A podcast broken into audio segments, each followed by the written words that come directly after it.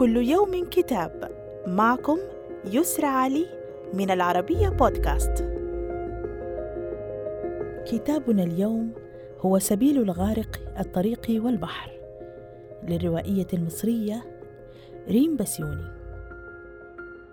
يدور عالم الرواية عن الأمنيات وأثمانها الباهظة ومكابدة الوصول إليها وجدل الذاكرة والحلم. فيبدو هذا العالم مشدودا إلى طرق أبواب الهزيمة الإنسانية بلمسات سرد تاريخية حيث لا سكينة دون سلام مع الماضي. بحسب قول أحد أبطالها الذين يقفون على مفترق طرق مألوفة وبحار مجهولة فتصبح الأمنيات كبرى الخطايا إذا خافوا من الغرق أو بتعبير الرواية في تصديرها ولو خشيت الغرق فأنت غارق لا محالة. صدر الكتاب عن دار نهضة مصر للنشر وإلى اللقاء مع كتاب جديد.